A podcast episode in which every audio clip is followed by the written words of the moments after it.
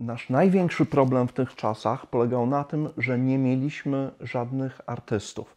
Było nas tylko y, trzech, potem dwóch programistów, ale nie było nikogo, kto mógłby nas wspomóc właśnie w muzyce czy w grafice. W związku z tym to, co zrobiliśmy, to wyripowaliśmy grafikę z Commodora i zaprogramowaliśmy analogiczną grę do Operation Wolf z Commodore C64.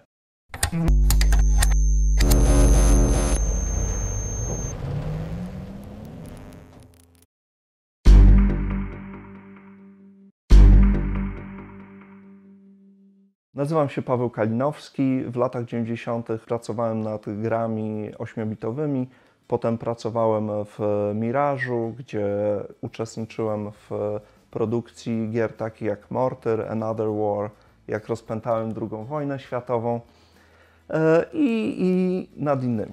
W dzisiejszych czasach pracuję w bardzo poważnej dziedzinie. Mm, zajmuję się business intelligence, czyli głęboką analizą danych, tak zwanych big data, wielkich danych, które trzeba analizować pod kątem zdobywania szczególnej wiedzy na temat tego, co, co się czy w tej korporacji, czy w, czy w jej otoczeniu dzieje. Zanim miałem kontakt z komputerem, yy, wiedziałem, że chcę mieć z nim kontakt. Wcześniej grałem na maszynach arcade'owych i wiedziałem, że to jest to, co mi się podoba, no ale pojawiły się komputery domowe, można było mieć coś takiego w domu. Wydaje mi się, że pierwszy komputer, na którym się bawiłem dłużej niż, e, niż parę chwil, to był e, Amstrad, e, gdzieś, gdzieś, u, gdzieś w instytucji państwowej to było, gdzie ten Amstrad służył do poważnych prac, natomiast po tym czasie można było się na nim pobawić. Przypuszczam, że to było około roku 84-85. Na pewno grałem w jakiś symulator lotu. To, to było podobne do, do, do takiej gry w 15. No, trzeba było strzelać do, e, do wrogów. Pamiętam, że nie trzeba było startować ani lądować, także, e, także to było duże ułatwienie dla, dla, dla początkującego gracza. Gdy zobaczyłem tego Amstrada i miałem możliwość kilka chwil na nim e, popracować, czy pobawić się raczej, e, już wiedziałem na pewno, że to będzie e, to, będzie to co mnie zainteresuje i, i w czym będę działał. Pierwszy komputer to było Atari, nie takie jak to, tylko Atari 800 XL. Trzeba było stać w kolejce w Peweksie, żeby, żeby takie Atari kupić. Największe wrażenie w tamtych czasach wywarła na mnie gra Rescue Fractalus. To była taka, e, taka gra trójwymiarowa i generowana i całkiem płynna na tym bardzo, bardzo słabym sprzęcie. Udawało się y, twórcom uzyskać całkiem interesujące efekty. W tej grze trzeba było, e, trzeba było ratować e, zaginionych kosmonautów na odległej planecie. Oprócz e, tych kosmonautów zdarzali się też źli obcy, którzy mogli cię zaatakować, także Także gra zawierała też takie elementy horroru, można powiedzieć, dlatego że, że gdy ten obcy pierwszy raz ci wskoczył na szybę twojego, twojego statku, no to można było się faktycznie przestraszyć. Pewnego dnia zobaczyłem ogłoszenie, że w lokalnym domu kultury e, organizuje się kółko komputerowe, no więc oczywiście, że, że e, pobiegłem e, na to kółko. Dokładnie nie pamiętam, co tam się działo, ale pamiętam, że spotkałem tam dwóch podobnie zapalonych osobników jak ja. No i od tego czasu już się zaczęło pracowanie razem. Na początku e, zaczęliśmy od, od takich, e, zaczęliśmy od typowych, typowych takich e, prac młodych hakerów, czyli od łamania zabezpieczeń, następnie robienia jakichś trainerów, czyli, czyli takich ułatwień do gier.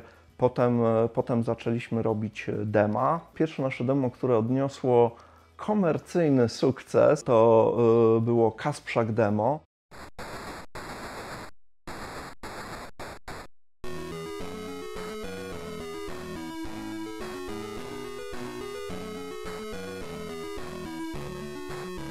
Sprzedaliśmy je dystrybutorowi, nie po prostu osobie, która przyszła, tylko dystrybutorowi. Musiało być takie ssanie, takie, takie zapotrzebowanie na cokolwiek nowego, że no, nawet takie mm, dosyć słabe w rzeczywistości demo też miało jakąś wartość finansową. Z tymi hak zhakowanymi grami i użytkami trzeba było coś zrobić, więc, więc po, po paru wizytach na giełdzie e, na Grzybowskiej też postanowiliśmy tam mieć nasze, e, nasze stoisko. E, na tej giełdzie poznaliśmy wspaniałego człowieka Kubę Husaka, koło którego siedzieliśmy i tam sprzedawaliśmy mm, gry, użytki. Na początku wszystko zhakowane, potem, e, potem też takie, które my e, produkowaliśmy. Pieniądze z giełdy były takie, żeby się zwróciło na dojechanie w to i z powrotem i zakupowanie nośników i i takich rzeczy. Także to było tylko, to było tylko i wyłącznie wspomaganie hobby. To nie było coś, na czym, z czego można było żyć. Wielkim hitem na Grzybowskiej y, okazało się moje demo, albo raczej game, które się nazywało Stop.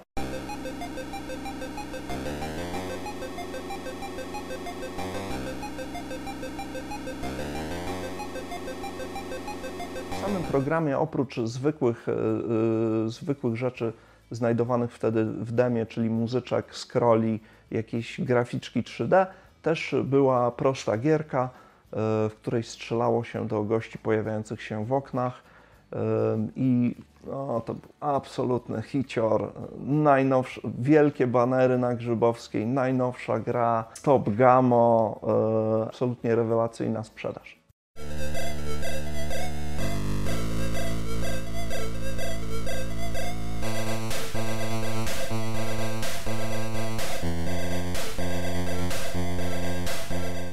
Pierwsza duża gra, którą, nad którą pracowaliśmy, y, to Operation Blood. Gra została przez nas od początku zaprogramowana. Ja napisałem do niej y, muzykę, co pamiętam jako najtrudniejsze zadanie, jakie kiedykolwiek y, wykonywałem ponieważ nie mam talentu muzycznego i zrobienie czegokolwiek było strasznie trudne. Nasz największy problem w tych czasach polegał na tym, że nie mieliśmy żadnych artystów. Było nas tylko y, trzech, potem dwóch programistów, ale nie było nikogo, kto mógłby nas wspomóc właśnie w muzyce czy w grafice. W związku z tym to, co zrobiliśmy, to w ripowaliśmy grafikę z Commodora, wyrypowaliśmy tym razem na słuch muzykę też z Commodore i zaprogramowaliśmy analogiczną grę do Operation Wolf z Commodore C64. Od samego początku, tak jak wspominałem o Rescue on Fractalus, zafascynowany byłem grami First Person Perspective, ponieważ takie pełne first person perspective na 8-bitowych e, grach może być trudne, to postanowiliśmy, że spróbujemy właśnie w tego typu e, produkcji sił. No i Operation Blood albo pierwowzór Operation Wolf jest e, grą first person perspective, strzelanką, tylko że nie 3D, a 2D. W grze wcielamy się w komandosa, który niszczy zastępy wrażych sił składających się z piechoty, innych komandosów, helikopterów, czołgów i tym podobnych e, przeciwników. Świat przesuwa się w jedną lub w drugą stronę. Na tle tego świata pokazują się złoczyńcy lub dobrzy ludzie i należy ich eliminować albo nie. Pomysł na tą grę był taki, że na Atari bardzo brakowało gier tego typu, właśnie strzelanek e, dynamicznych z dużą ilością przeciwników. Nie było Operation Wolf, nie było również wielu innych gier. E, tą byliśmy w stanie technicznie e, zrealizować i to zrobiliśmy. Z gotową grą udaliśmy się do znanych wtedy wydawców. Na pewno wysłaliśmy tą grę do Avalonu, na pewno wysłaliśmy do Miraża. Wydaje mi się, że od Avalonu dostaliśmy miły list, że sorry, ale nie, bo grafika jest wyripowana. Czyli naprawdę szacun za to, że y, dbali o prawa autorskie, chociaż wtedy absolutnie nie obowiązywały żadne regulacje w tej mierze. Natomiast uzyskaliśmy bardzo pozytywną reakcję od Miraża, wtedy jeszcze nazywającego się Studio Komputerowe AS. Pojechaliśmy do Warszawy, żeby dobić targu. W Mirażu bardzo miło nas przyjął Tomek Mazur. e, Podpisaliśmy fajną umowę. Mieliśmy możliwość zobaczenia trochę, jak e, Miraż wygląda od środka, produkcja i sprzedaż tej gry. Okazała ona się bardzo dużym sukcesem sprzedażowym. Również e, ta gra sprzedała się na świecie. Mieliśmy dystrybutora w Niemczech i w Holandii. Holenderski dys- dystrybutor zrobił wersję działającą z pistoletem świetlnym, także, e, także to też jest e, fajne rozszerzenie. Do tej, do tej pory e, właśnie ta nasza gra występuje jako jedna z nielicznych gier na Atari e, wspierających Light Guna. Muszę powiedzieć, że y, dostępność tej gry na świecie i całkiem duża sprzedaż zmieniła naszą perspektywę. No i można powiedzieć, że poczuliśmy pieniądz. To nasze hobby zmieniło się z prawdziwego hobby, z prawdziwej takiej rzeczy, którą robiliśmy wyłącznie dla przyjemności, zmieniło się w rodzaj zajęcia. Należy pamiętać, że wtedy byliśmy cały czas w liceum jeszcze i pieniądze, jakie dostawaliśmy, były absolutnie kosmiczne dla chłopaków, którzy byli, nie wiem, w pierwszej, w drugiej klasie liceum. E, Pamiętam, że za pieniądze, które, które dostałem z e, Operation Blood, e, za te pieniądze mogłem spokojnie kupić malucha, ale nie, nie zrobiliśmy tego, pokupowaliśmy sobie e, komputery.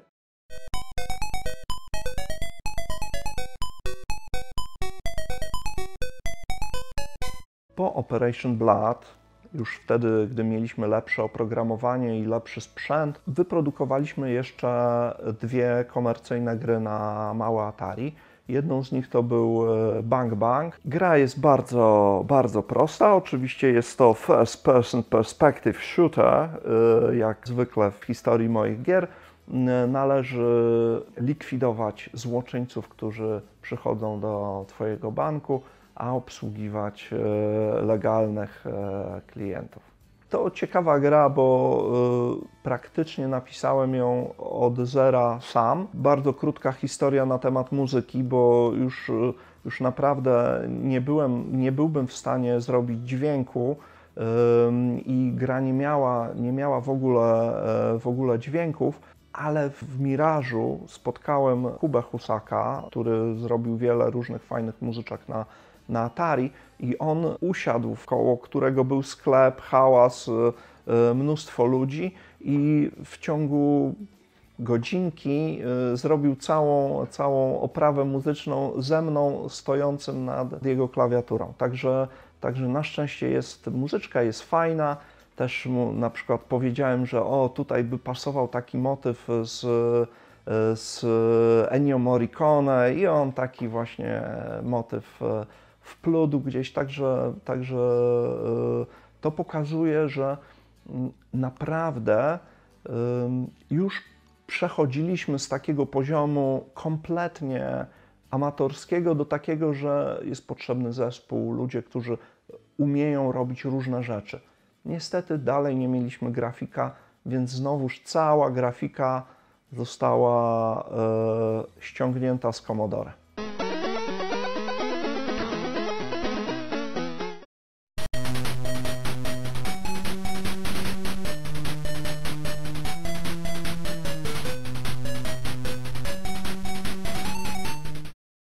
Bang Bang wyprodukowaliśmy grę Special Forces. To jest, można powiedzieć, że kontynuacja Operation Blood. Silnik został trochę poprawiony, dodane nowe funkcje yy, i została wyrżnięta ładniejsza grafika z Commodore. Ona już nie sprzedawała się tak rewelacyjnie.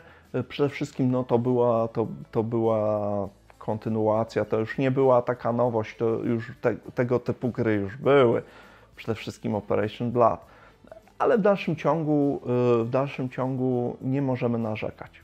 Wszystko, czego dowiedzieliśmy się y, o, o tym, jak programować te nasze komputerki, w ogóle jak, jak programować, pochodziło z literatury. Na początku były to zwykle jakieś marnej jakości kserówki wydawnic amerykańskich. Takie kserówki z y, nieśmiertelnym czerwonym paskiem przez środek strony były sprzedawane na giełdzie na Grzybowskiej. Pamiętam na przykład taki tytuł Dere Atari, y, który bardzo szczegółowo opisywał niektóre aspekty y, działania tego komputera ale potem zaczęły się pojawiać nasze polskie publikacje. Wydawnictwo Soeto wydało serię książek poświęconych Atari z bardzo szczegółowymi opisami systemu operacyjnego, działania poszczególnych układów wewnętrznych.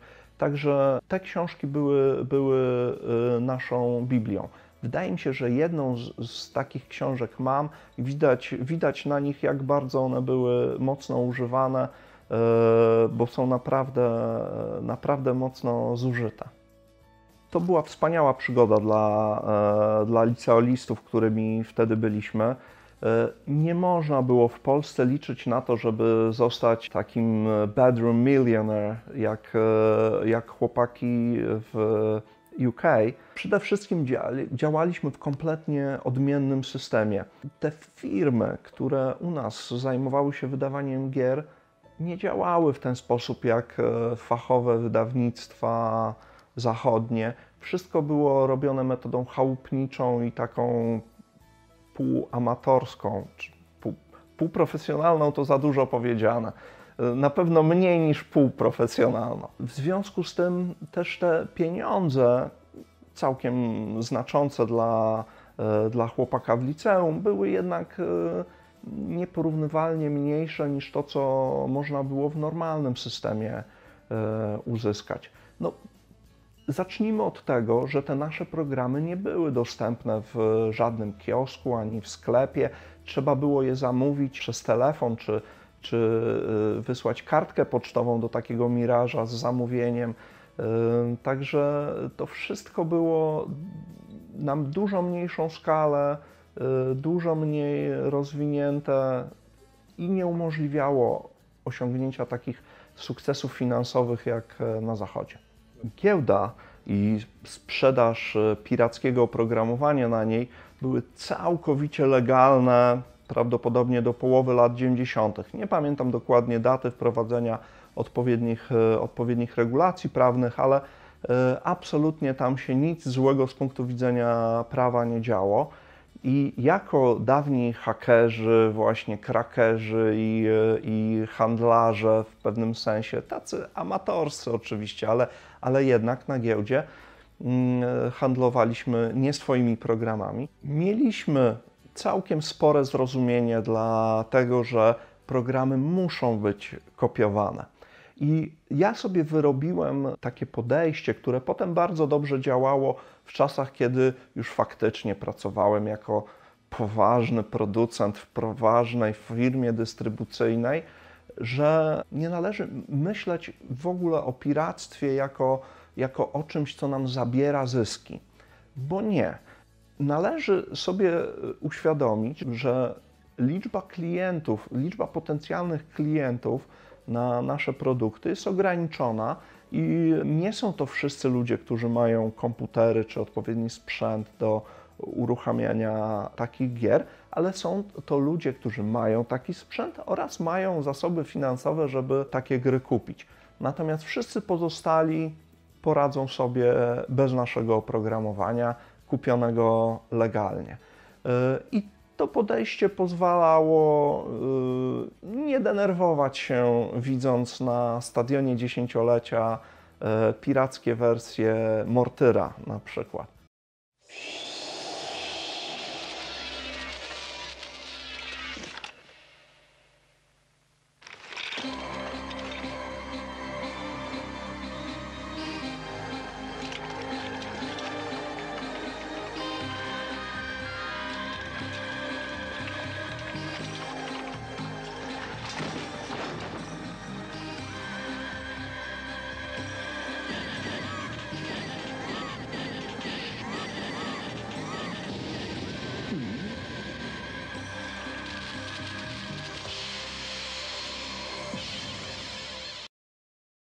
Czas ośmiobitowców nieodwołalnie mijał. Była już, był już początek lat 90., na całym świecie ośmiobitowe komputery dawno umarły.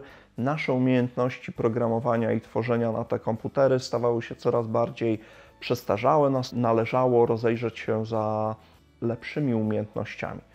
Zacząłem studiować e, informatykę na Politechnice Warszawskiej. Tam e, poznałem, e, poznałem ludzi, którzy również dawniej działali na 8-bitowych komputerach. Próbowaliśmy razem robić coś na 16-bitowych, ale to już właśnie były tak, tego rodzaju projekty, których chłopaki tym razem siedząc w akademiku nie dali rady zrobić. To już trzeba było być profesjonalistą pracować full time, robić to, mieć, e, mieć grafików, muzyków, menadżerów, marketingowców, ludzi, którzy wymyślaliby fabułę itd., tak itd. Tak w trakcie studiów w dalszym ciągu miałem kontakt z Mirażem, dlatego że no, mieliśmy u nich e, produkty, z których ca cały czas e, przy, otrzymywaliśmy jakieś przychody, także, także zacząłem się tam częściej pojawiać, jako też, że mieszkałem w Warszawie.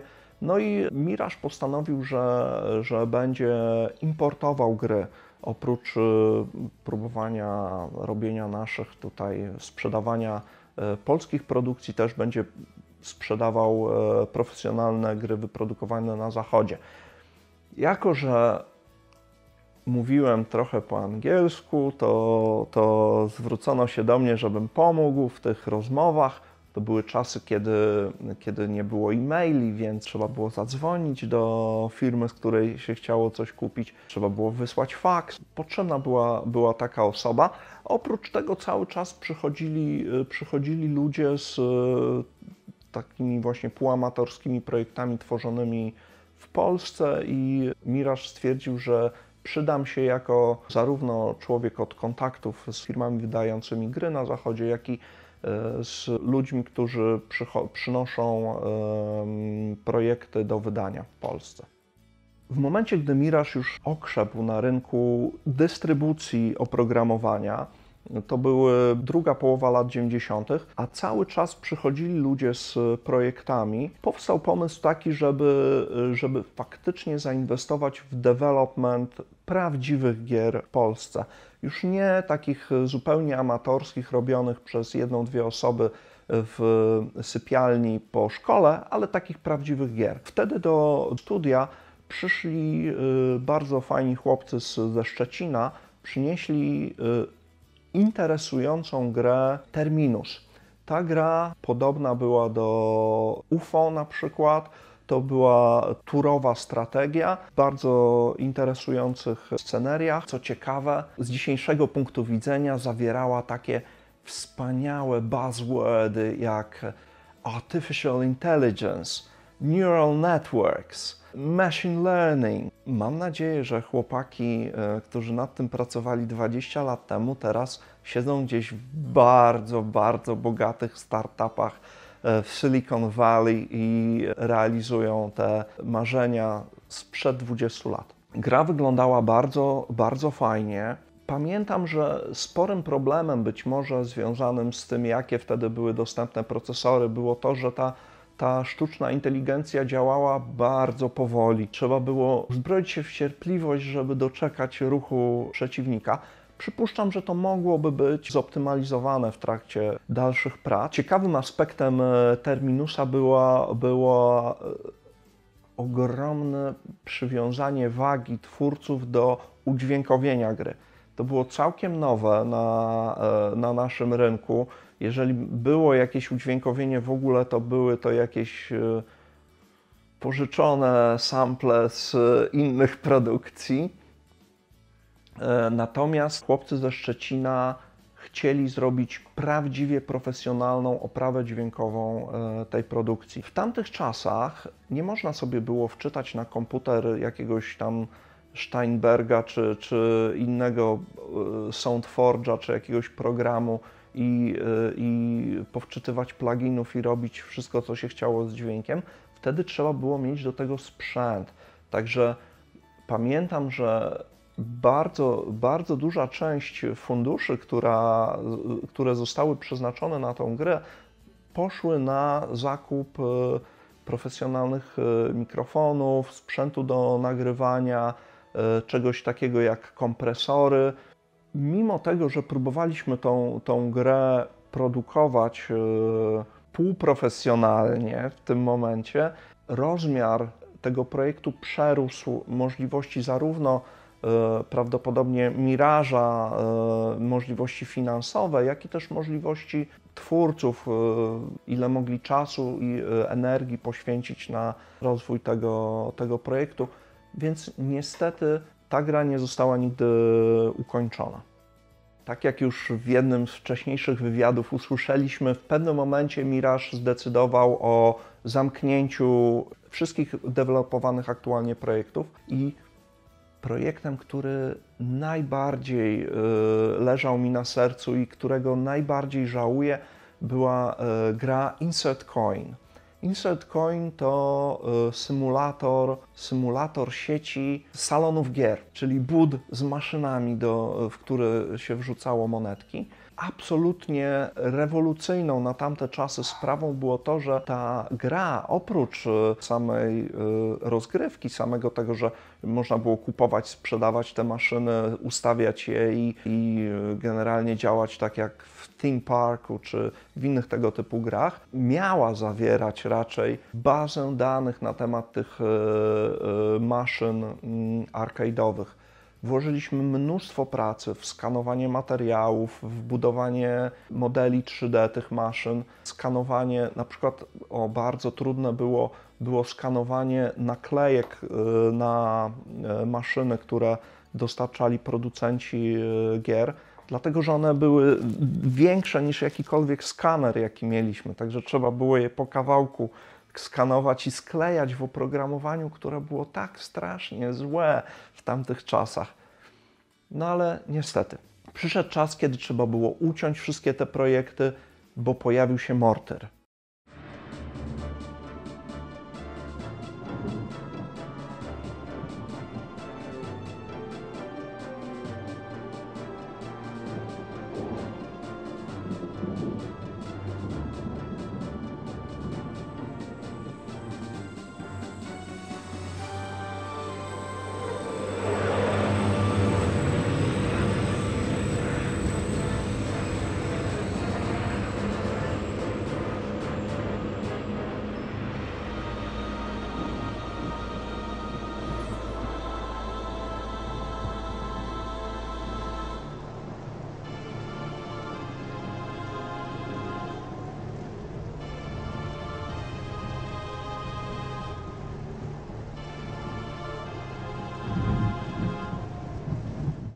Samego początku Mortyra w, w Mirażu nie pamiętam, natomiast niewątpliwie otrzymaliśmy od naszego e, partnera już od, od wielu lat, e, Sebastiana Zielińskiego, ciekawe demo czegoś, co mogło być na przykład właśnie first person perspective shooterem, zrobionego całkowicie e, w 3D, czymś, co było dużym krokiem naprzód w porównaniu do ogromnego hitu sprzedażowego Duke Nukem 3D, e, który dystrybuowaliśmy w Polsce.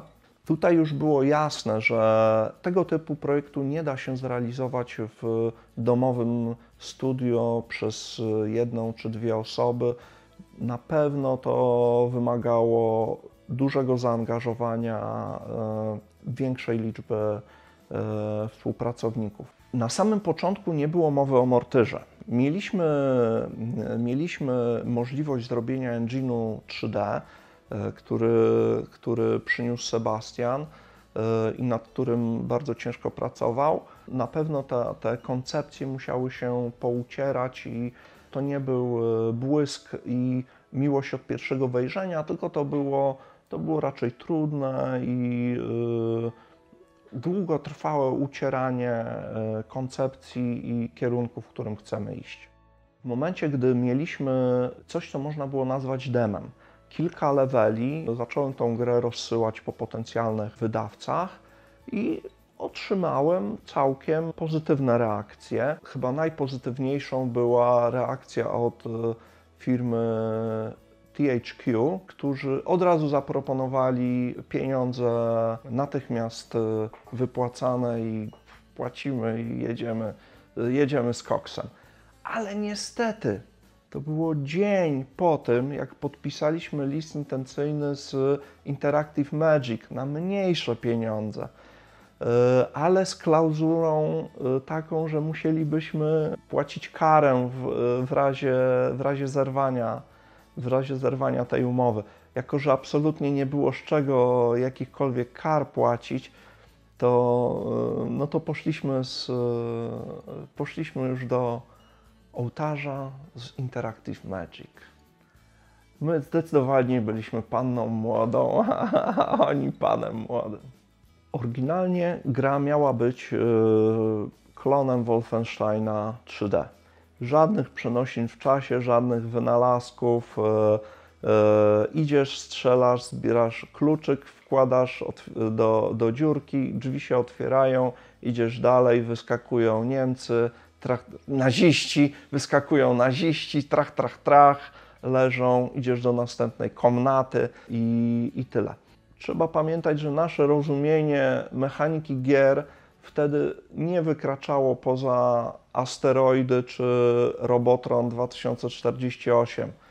Przeciwnicy nacierają i my ich wszystkich mordujemy, albo to mogą być, nie wiem, jakieś niekoniecznie niekoniecznie naziści, ale wszystko jedno, owady atakują, kamienie atakują, roboty atakują, niszczysz e, wszystko, co się rusza.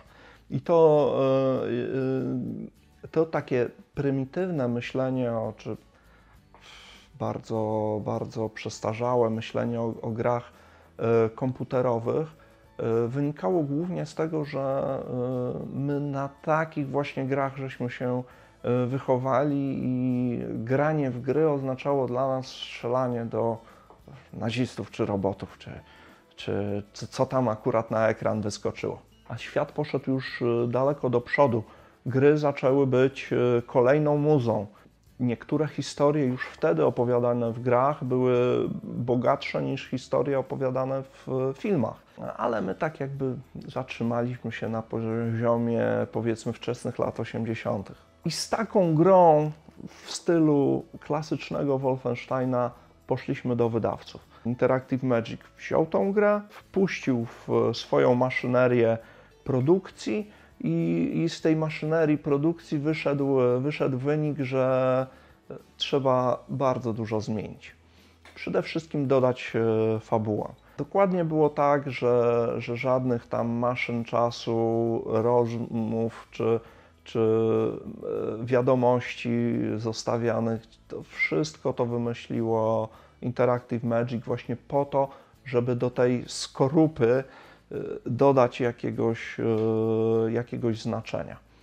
Temat przenosin w czasie, to też wszystko, wszystko zostało wymyślone właśnie w, w Interactive Magic. Pamiętam, że dla nas to było bardzo, bardzo trudne, żeby przełknąć tą, tą żabę. E, natomiast w końcu, na koniec to nie wyszło takie złe. Ten, ten, ten, ten świat przyszłości jest jakiś taki, e, no ma swój klimacik, można powiedzieć. Ten, ten e, Hitler w, namalowany przez Andy'ego Warhola do dzisiaj tkwi mi w pamięci i też pewnie na wielu screenshotach się z tamtych czasów się pojawiał. Także mimo to, że to nie był nasz pomysł, mimo że to nie było nasze, no to jednak staraliśmy się e, zrobić to najlepiej, jak potrafiliśmy. Fachowcy z Interactive Magic e, rozpoznali nas właśnie jako, jako takich e, półamatorów, jak sądzę, i, i wymyślili, że będzie dobrze mieć, mieć kogoś na miejscu w Stanach, komu będą bezpośrednio przekazywać informacje, jak ta gra powinna wyglądać. Polecieliśmy tam we dwóch z Sebastianem, dostaliśmy, dostaliśmy bardzo dużą przegródkę, nowoczesne komputery i wszystko, co nam było potrzebne, dostęp do internetu, wewnętrzny serwer z MP3 w Stanach. Także te, takie rzeczy jak najbardziej tam były już. Naszym zadaniem było doprowadzić tą grę do do stanu użyteczności. Spotkaliśmy się nie codziennie, ale dosyć często z, z naszym opiekunem, który y, właśnie starał się nas nakierować na, na, od, na odpowiedni kierunek. Mm, tej, podczas tej wizyty w Stanach udało się dwa bardzo ważne techniczne usprawnienia e, zrobić. Przede wszystkim nauczyliśmy się, nauczyliśmy się korzystać z profilera, e, czyli takiego, takiego oprogramowania służącego do sprawdzania, jaka e, część kodu jest najbardziej krytyczna dla szybkości działania. To nie było tak, że Amerykanie nas tego nauczyli, ale, ale tak jakby tak jakby ta, ta taka korporacyjna atmosfera pozwoliła nam uwierzyć w to, że, że Microsoft czy Intel potrafią zrobić jakieś rzeczy, które mogą nam pomóc. Nie, niekoniecznie my jesteśmy najmądrzejsi na świecie i wszystko potrafimy sami zrobić najlepiej, ale faktycznie taki Microsoft z tym swoim profilerem czy, czy Intel yy, ze swoim kompilatorem mogą nam jakoś pomóc. Użycie profilera wskazało na miejsca, które można zoptymalizować, co, co bardzo ładnie przyspieszyło grę. Również w tym czasie też Sebastian wpadł na pomysł, jak, jak uprościć matematykę w obliczeniach, o czym opowiedział w swoim. W czasie, gdy byliśmy w Interactive Magic, firma została sprzedana Ubisoftowi to w ogóle bardzo interesujące, bo widzieliśmy od środka, tak jak, jak zwykli pracownicy, jak przebiegał ten proces. Jak jednego dnia management wysyła informację, że jest wszystko jak normalnie, następnego dnia, że jutro coś się dzieje i spotkanie, all hands meeting, spotkanie wszystkich w, w holu, spotkanie y, się odbywa z zaproszonymi gośćmi z Ubisoftu, którzy opowiadają, jak wszystko będzie wspaniale i pięknie działało, a następnego dnia połowa firmy jest zwolniona. I no niewątpliwie to było bardzo ciekawe doświadczenie, dlatego że nie dotykało ono nas bezpośrednio. My, byliśmy, y, my nie byliśmy pracownikami tej firmy, ale widzieliśmy, jak, jak y, prawdziwi pracownicy reagują, jakim to jest stresem dla, dla wszystkich dookoła. Ubisoft kupił e, Interactive Magic wraz z całym e, dobrodziejstwem inwentarza, wliczając to naszą grę. Ubisoft zadecydował, że ta gra zupełnie nie pasuje do ich bieżącego portfolio. Faktycznie mieli więcej gier takich zorientowanych na rozrywkę rodzinną, gry dla wszystkich. No i to e, gra, w której się, się strzela do nieśmiertelnego Hitlera, niewątpliwie mogła nie do końca pasować e, do, do profilu Ubisoftu. Ubisoft zdecydował się tą grę sprzedać niewielkiemu dystrybutorowi z Holandii, który potem e, tą naszą grę sprzedawał na, e, na całym świecie, czyli liczba tych pośredników i liczba różnych zaangażowanych firm i firemek rosła i rosła, a nasze nasze przychody w związku z tym malały i malały. Suma summarum, grę udało się wydać, była sprzedawana na, e, do, dosyć szeroko. W Polsce odniosła ogromny, ogromny sukces. Sprzedawała się jeszcze wiele, wiele, wiele lat po premierze i, i w sumie e, i, na przykład kilka razy była wydana też na, na, e, razem z magazynami. Także w sumie w samej Polsce sprzedało się rzędu setek tysięcy egzemplarzy. Naprawdę ogromny sukces od strony biznesowej. Oczywiście od strony ocen tej gry została ona oceniona zgodnie z prawdą. No to, to teraz możemy z perspektywy możemy popatrzeć na to jako solidną, solidną grę klasy B, czy takie właśnie kino klasy B. Trochę nieporadne, trochę może śmieszne miejscami, trochę niedorobione, ale y, mające jak, jakiś, y, jakąś wartość, może nawet mające swoich y, dedykowanych odbiorców. Jak na to dzisiaj patrzę, to myślę, że, że takie Sharkando byłoby dobrym e, porównaniem.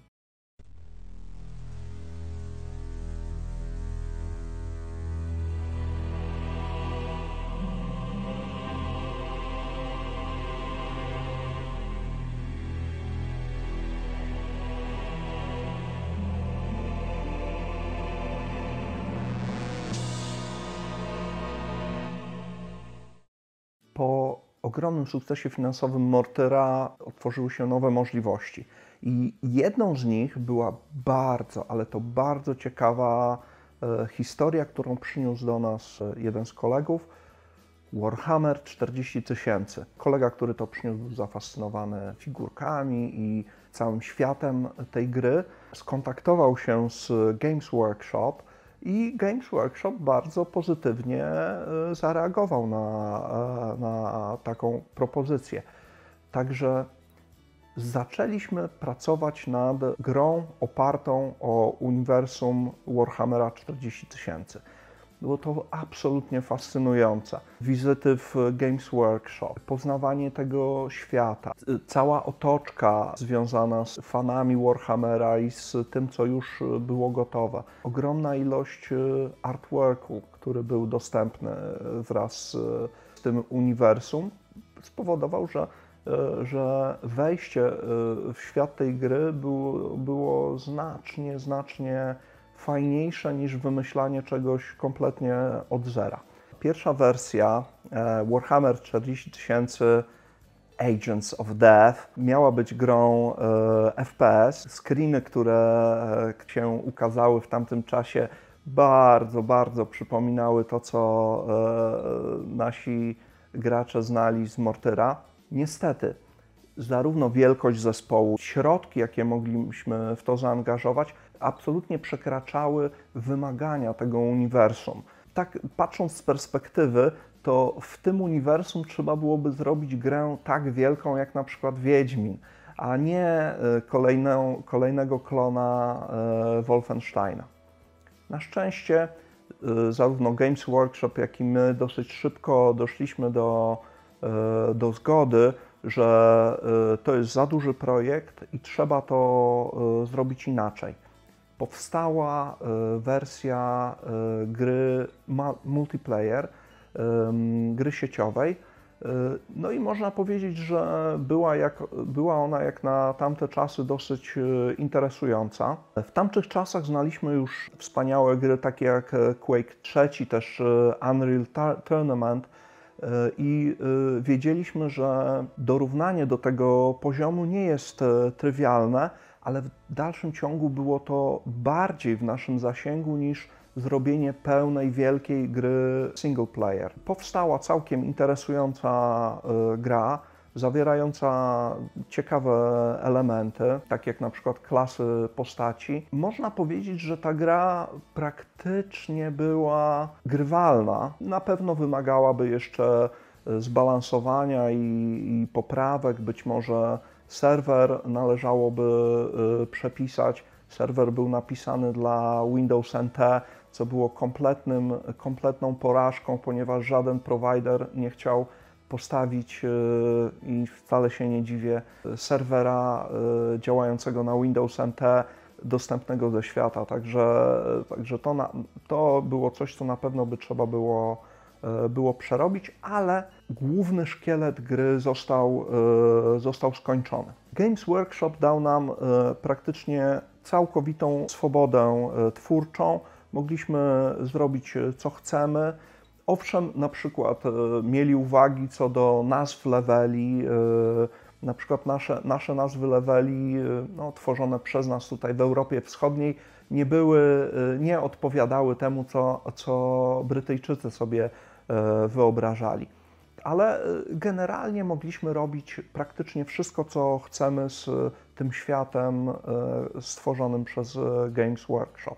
Oczywiście w tego typu grze Chcieliśmy przemycić jak najwięcej smaczków zrozumiałych też dla naszych, naszych bezpośrednich odbiorców, stąd między innymi Pałac Kultury, który jakąś, jakimś magicznym zrządzeniem losu za 40 tysięcy lat znajdzie się w świecie Warhammera.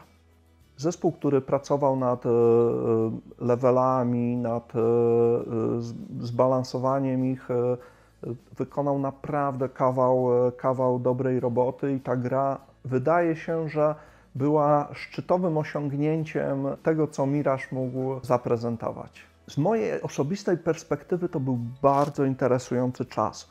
To był, to był szczyt boomu internetowego i trzymałem wtedy propozycję, żeby założyć firmę internetową. Razem z przyjacielem, który właśnie przyniósł nam Warhammera, założyliśmy y, firmę y, Global Marketing, dzisiaj znaną jako Gemius. Jeżeli y, macie AdBlocka, to na pewno też macie Gemiusa w, wśród filtrów. To, że odesz, odszedłem prawie na rok z game devu, spowodowało, że straciłem bezpośredni, w oczywisty sposób straciłem bezpośredni kontakt z tym, co się działo z grą.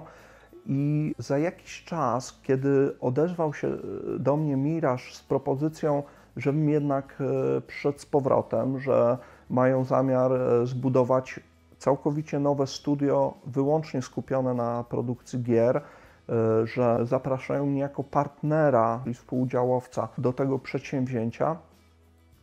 Z chęcią przystałem na, na taką propozycję.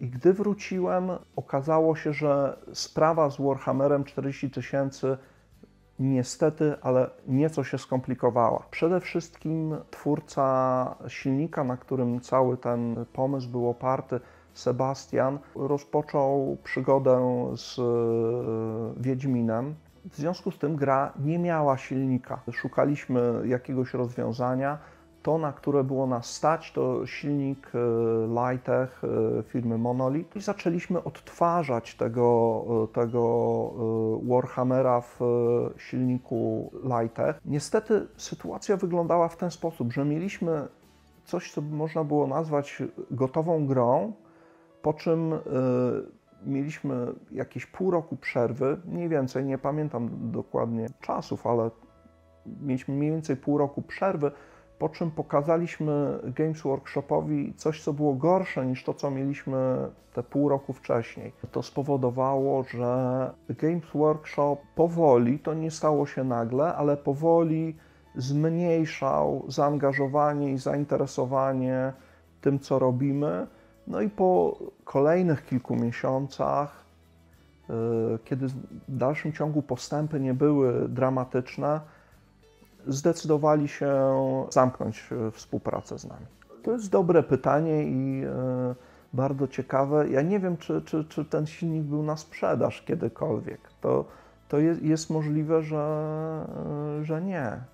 To jest bardzo ciekawe pytanie. Dlaczego Miraż nie kupił silnika od Sebastiana, skoro mieliśmy praktycznie gotową grę i wystarczyło ją tylko wydać? I byśmy byli wiel, wielcy. Dlaczego tego nie zrobiliśmy? Nie wiem. Przypuszczam, że być może ten silnik nigdy tak naprawdę nie był na sprzedaż. Trzeba pamiętać, że, że tego silnika nie można było kupić w ten sposób, że, że kupić ten silnik i, i nie zawracać głowy deweloperowi.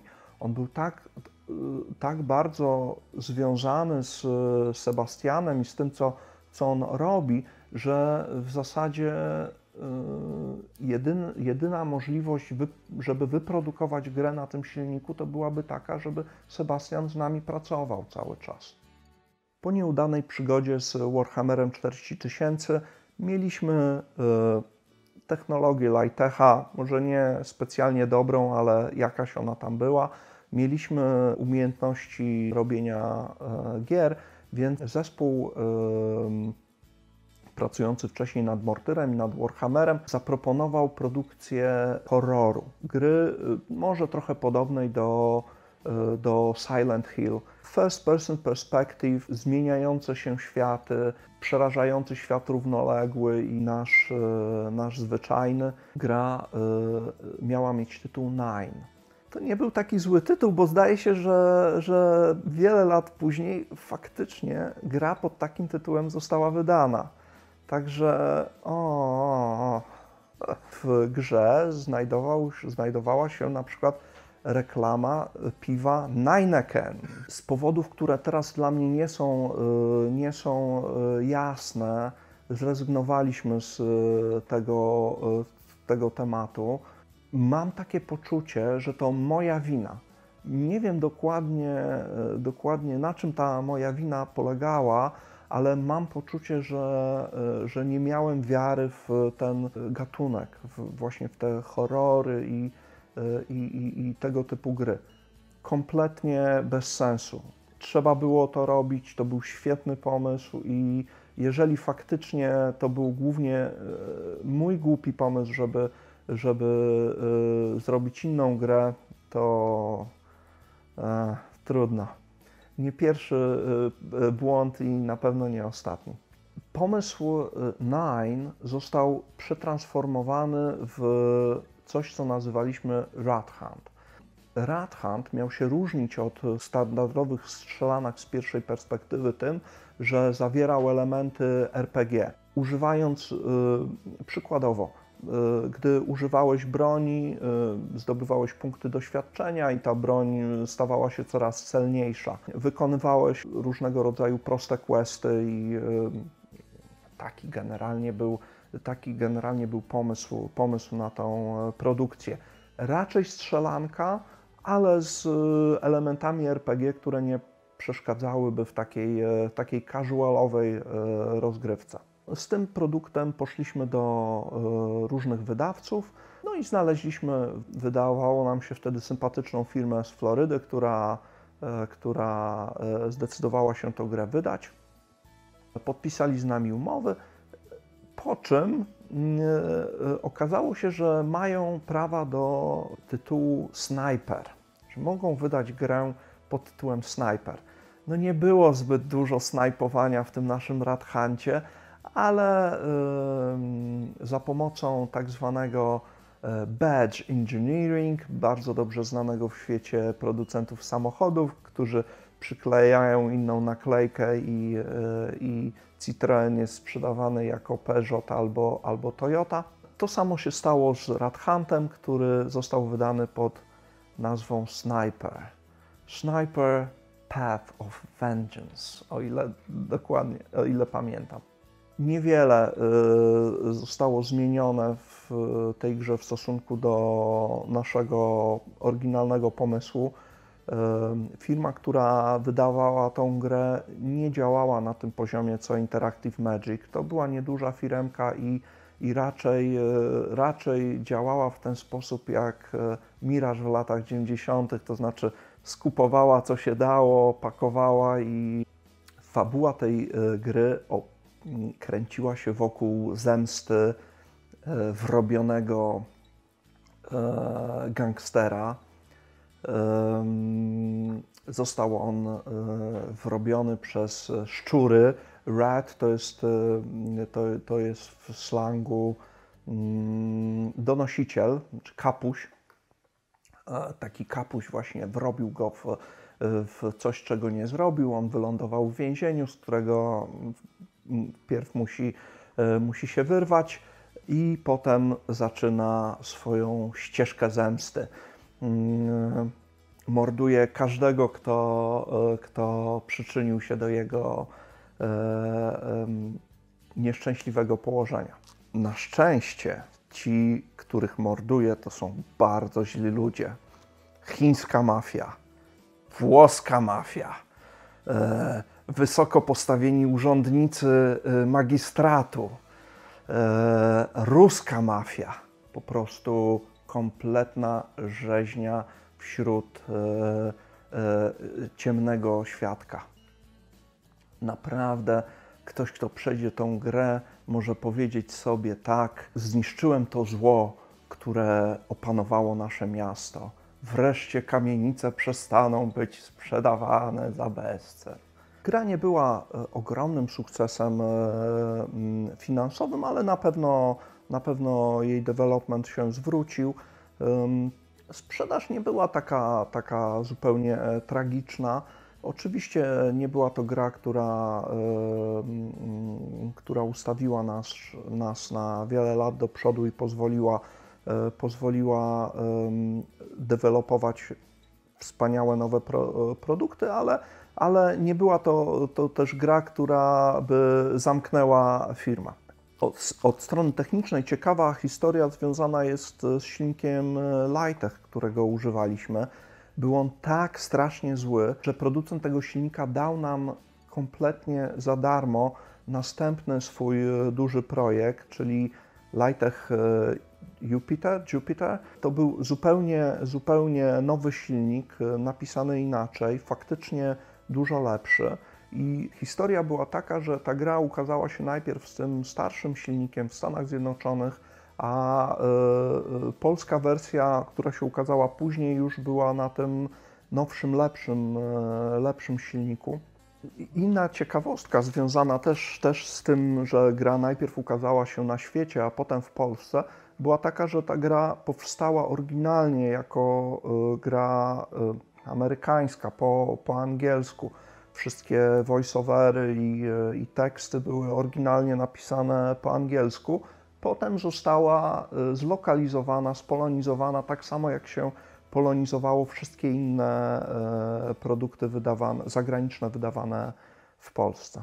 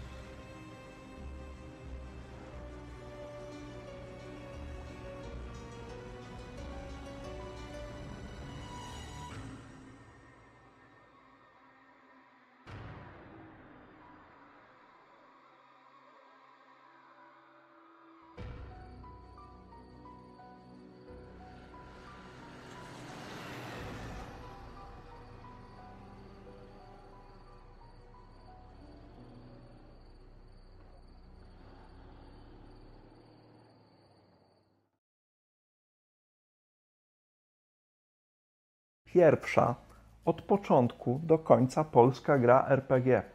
Another War. Fantastyczny zespół chłopaków, geologów, którzy zdecydowali się zaangażować w gry komputerowe. To był faktycznie pierwszy produkt, który w całości powstał e, w Mirażu od początku do końca. E, zespół pracował w biurze, był zatrudniony normalnie jako współpracownicy i chłopaki siedzieli i produkowali grę RPG. Fantastyczną częścią tej gry jest scenariusz i ktoś, kto, kto y, lubi dużo czytać, na pewno, y, na pewno będzie miał y, fajną zabawę związaną z tekstami w tej grze.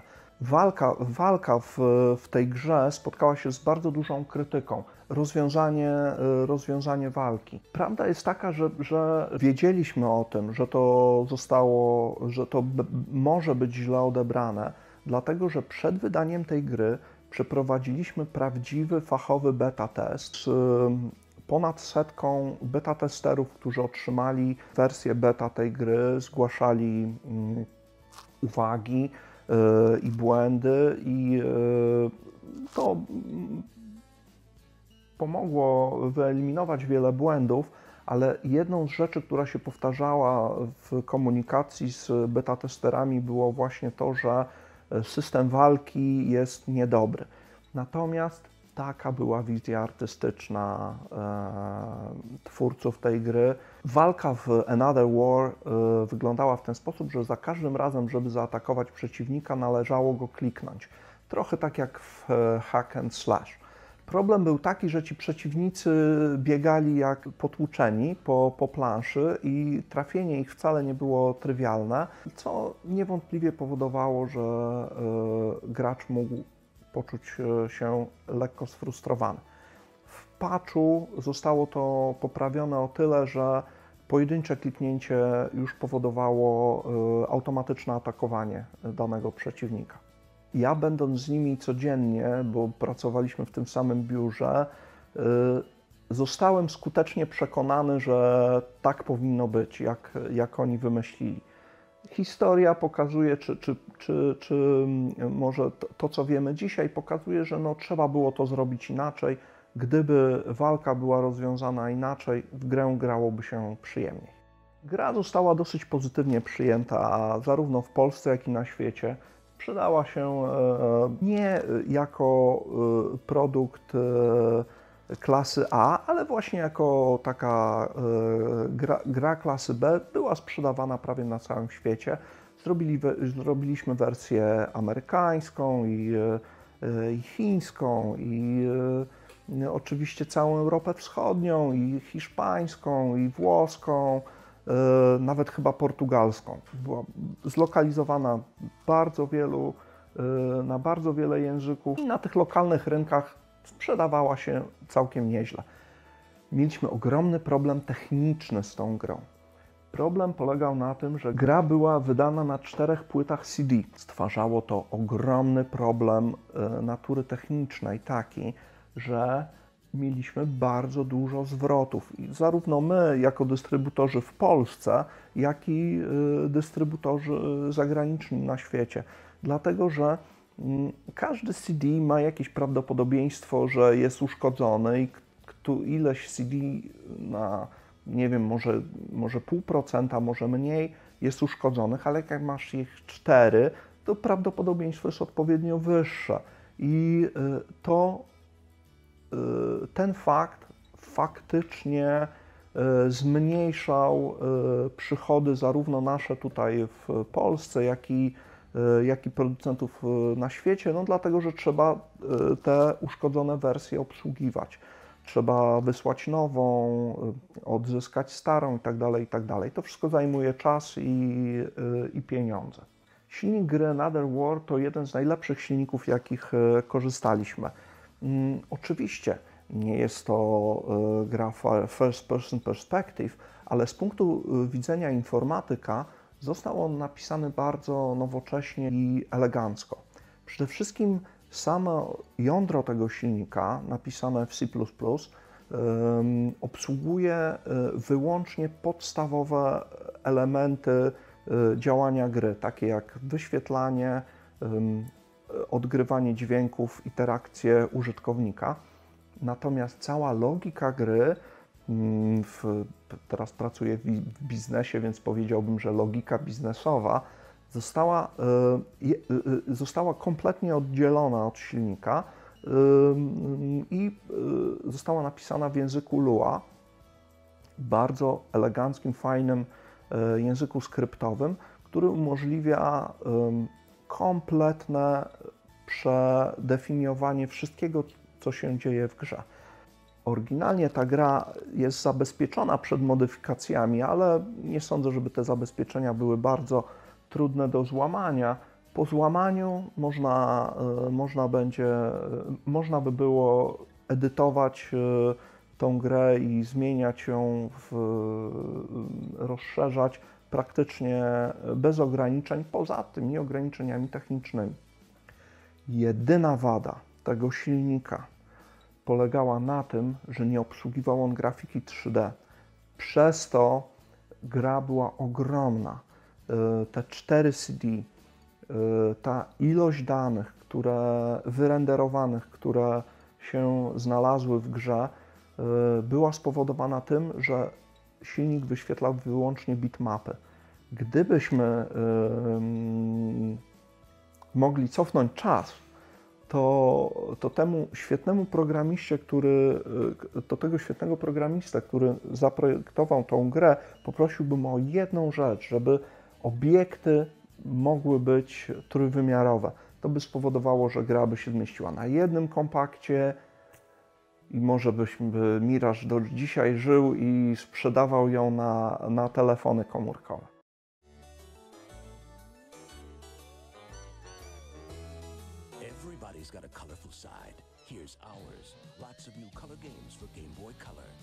Tetris DX, Wario Land 2, Zelda DX, Looney Tunes Carrot Crazy, Quest for Camelot, and there's R-Type Plus, Super Mario, and Conker's Pocket Tales.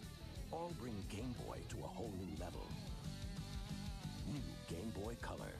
Now the games are as colorful as you. Gdy powróciłem do Miraża, stworzyliśmy Mirage Interactive, e, spółkę ZO, której objąłem część udziałów. Pojawili się też, e, też inwestorzy i możliwość prawdziwego e, rozwoju. Powstało kilka zespołów. Jednym z nich był zespół pracujący nad grą Another War. Innym bardzo ciekawym zespołem, nie, nie wiem nawet czy nie najciekawszym, był zespół pracujący nad grami na Game Boya. Początkowo na Game Boya Color, potem na Game Boy Advance. Pierwszą grą, którą zrobiliśmy na Game Boy Color był Mortyr. E, tak, Mortyr na Game Boya. Gra została kupiona przez e, firmę Titus e, z Francji i wydana pod nazwą Hands of Time. Oczywiście to nie jest gra 3D, to jest gra w stylu Zeldy na Game Boya czy innych te, tego typu gier, ale generalnie cała fabuła y, jest bardzo zbliżona do tego, co znamy z Mortera pierwszego. Grą, którą najłatwiej mi jest się chwalić, dlatego że ty, ten tytuł jest znany ludziom spoza branży, jest Robocop. To jest gra, którą zrobiliśmy na zamówienie Titusa na Game Boya. Została całkiem nieźle przyjęta. To nie była zła gra. To była fajna gra jak na Game Boy Color. Także mamy jakąś jedną grę, którą, której tytuł mogę powiedzieć i ktoś w ogóle będzie kojarzył o co chodzi. Tak, Robocop. Co prawda na pewno nie widział tej gry, ale wie co to jest Robocop. No to nieźle. Już sobie popływaliśmy. Spokojnie, szefie. Najważniejsze, że żyjemy. To już nie potrwa długo. Zimno tu jak na dalekiej północy. Bo też jesteśmy gdzieś za kołem polarnym. Musimy szybko wymyślić, jak się ogrzać. Hmm. Wiem! Wiem! Wiem, jak możemy się rozgrzać. Rozpalimy ognisko. Ha! A nie mówiłem? Ma się ten łeb na karku. Ale się hajcuje. Nie wiem, czy spalenie wszystkiego, co mieliśmy, było dobrym posunięciem. Po oszałamiającym, niestety w cudzysłowie, sukcesie Another War, zespół rozpoczął pracę nad kolejną grą e, w tym samym stylu. E, można powiedzieć, że e, spotkaliśmy się z pewnego rodzaju zainteresowaniem to oczywiście nie, nie jest. Another War nie było grą e, super popularną, ale tej swojej niszy takich dziwnych RPGów zdobył pewne, e, pewne traction, zdobył pewne zainteresowanie. W związku z tym zespół był na miejscu, więc zdecydowaliśmy się pracować dalej nad kolejną wersją, e, nad kolejną, kolejną grą opartą o ten pomysł ten sposób powstała gra Jak rozpętałem II wojnę światową. Pierwotnie ta gra nazywała się Weird Wars i pod tym, pod tym tytułem została wydana na rynkach e, e, zachodnich, ale też na niektórych rynkach też była wydana pod jeszcze innymi nazwami. Pomysł wykorzystania Franka Dolasa w tej produkcji przyszedł od Tomka Mazura, który e, zdobył odpowiednie kontakty i, i prawa do postaci, również e, udało nam się za, zaangażować e, pana Kociniaka do, do podłożenia głosu Ciekawe jest to, że ten pomysł przyszedł w momencie, jak gra była praktycznie skończona i, y, i nie bardzo to miało cokolwiek wspólnego z Frankiem Dolasem. Na szczęście koledzy z Cenegi, który był wydawcą tej gry, y, podrzucali nam cały czas pomysły, co tu można niewielkim kosztem dodać, typu, typu pamiętam jakiś but wrzucony do zupy, Y, czy, czy, czy może grę w trzy karty, jakieś takie elementy nawiązujące do jak rozpętałem e, II wojnę światową.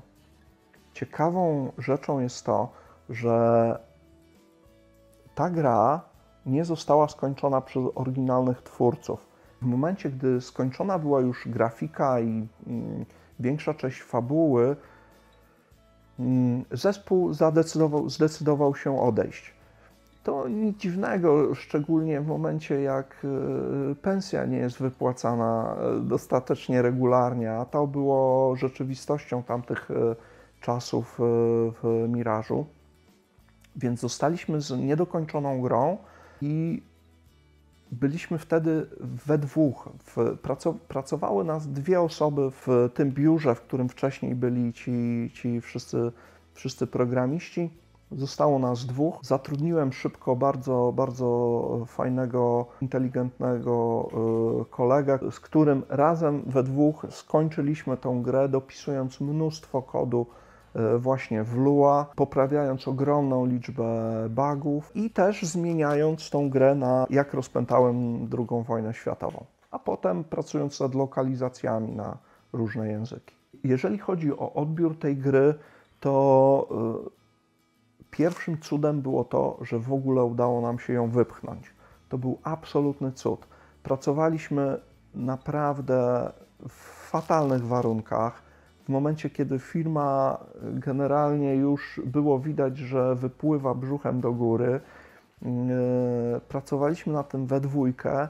Także to, że ta gra w ogóle się ukazała, uważam za jeden z moich osobistych największych sukcesów, bo owszem, gra może jest taka sobie i, i nie ma rewelacji, ale, ale wysiłek, który doprowadził do jej wypchnięcia e, do tłoczni, był absolutnie nieporównywalny z czymkolwiek innym, co, co robiłem wcześniej i później.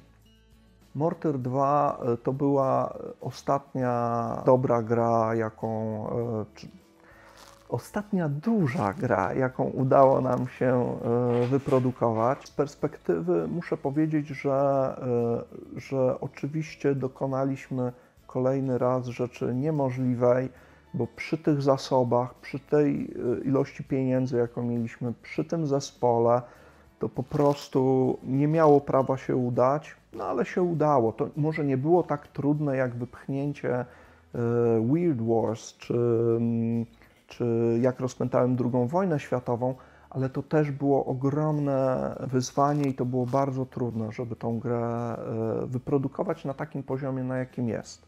W czasie, gdy powstawał Mortar II, były już takie wielkie produkcje jak Call of Duty na przykład i w oczywisty sposób e, próbowaliśmy jakoś podciągnąć, dociągnąć do tego poziomu, to już było kompletnie niemożliwe w, z naszymi zasobami.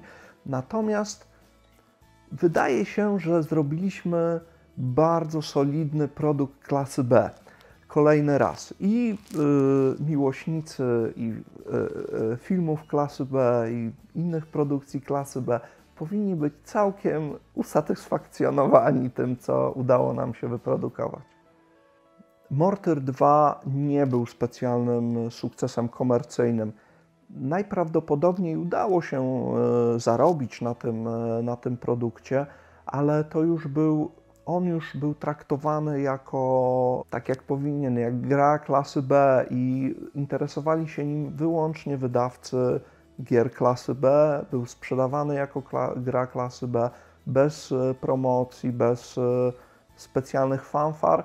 Mm, na pewno się zwrócił, ale y, majątku nie udało się na tym zbić.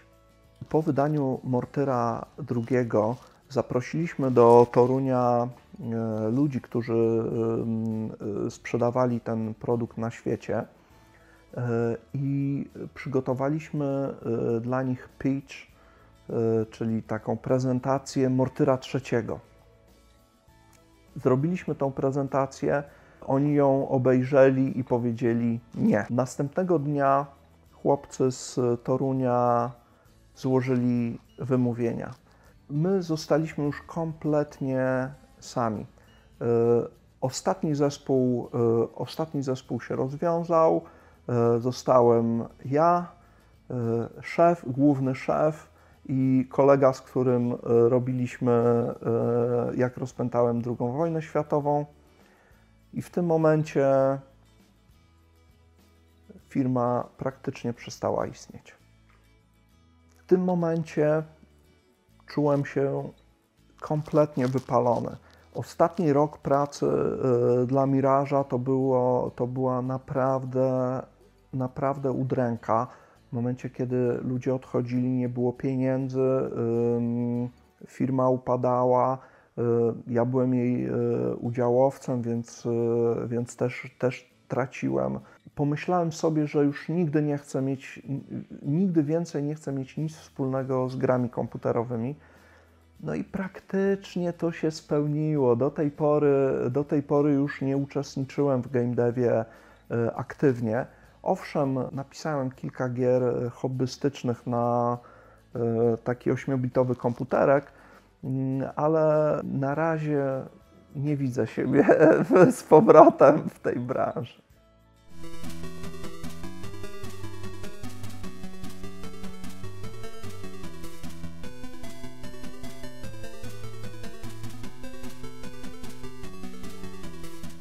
Gdy jesteśmy już w czasach nowożytnych, to, to mogę em, powiedzieć o jednej z moich e, najlepszych gier na małe Atari, czyli o grze Tetrix. Jest to taka specyficzna wersja Tetris, Tetrisa, przeznaczona specjalnie dla starych ludzi. Polega ona na tym, że trzeba mieć bardzo, bardzo dużo cierpliwości, żeby zdobyć chociaż jeden punkt w tej grze. Także polecam wszystkim, którzy chcą przetestować swoją, e, swoją cierpliwość. Inną e, grą, którą od, od wielu lat rozwijam z e, kolegą, jest klon Scorched Words. To jest taka gra, gdzie czołgi strzelają do siebie nawzajem.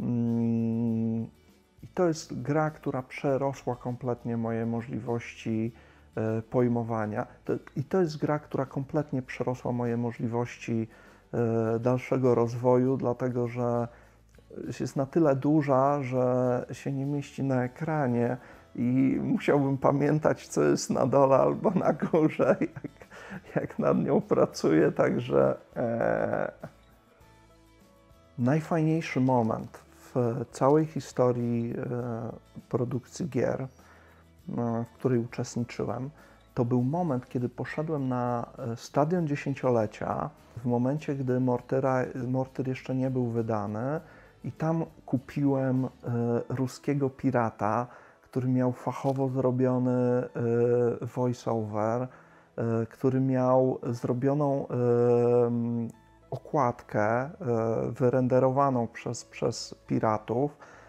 Obrazek z tej okładki użyliśmy w finalnym instalatorze e, oficjalnej gry, także, także ruscy piraci dodali coś naprawdę dobrego od siebie. To była wersja dla prasy, ona miała blokadę czasową i jeszcze wiele lat później ludzie dzwonili do nas, że im, że im nie działa, yy, że o hasło pyta czy coś, yy, czy coś takiego. To pokazywało, że coś, co robimy, jest ciekawe. Skoro komuś się chce zrobić voice-over, komuś się chce zrobić okładkę y, i przywieźć to na stadion dziesięciolecia, nigdy nie byłem szczęśliwszy.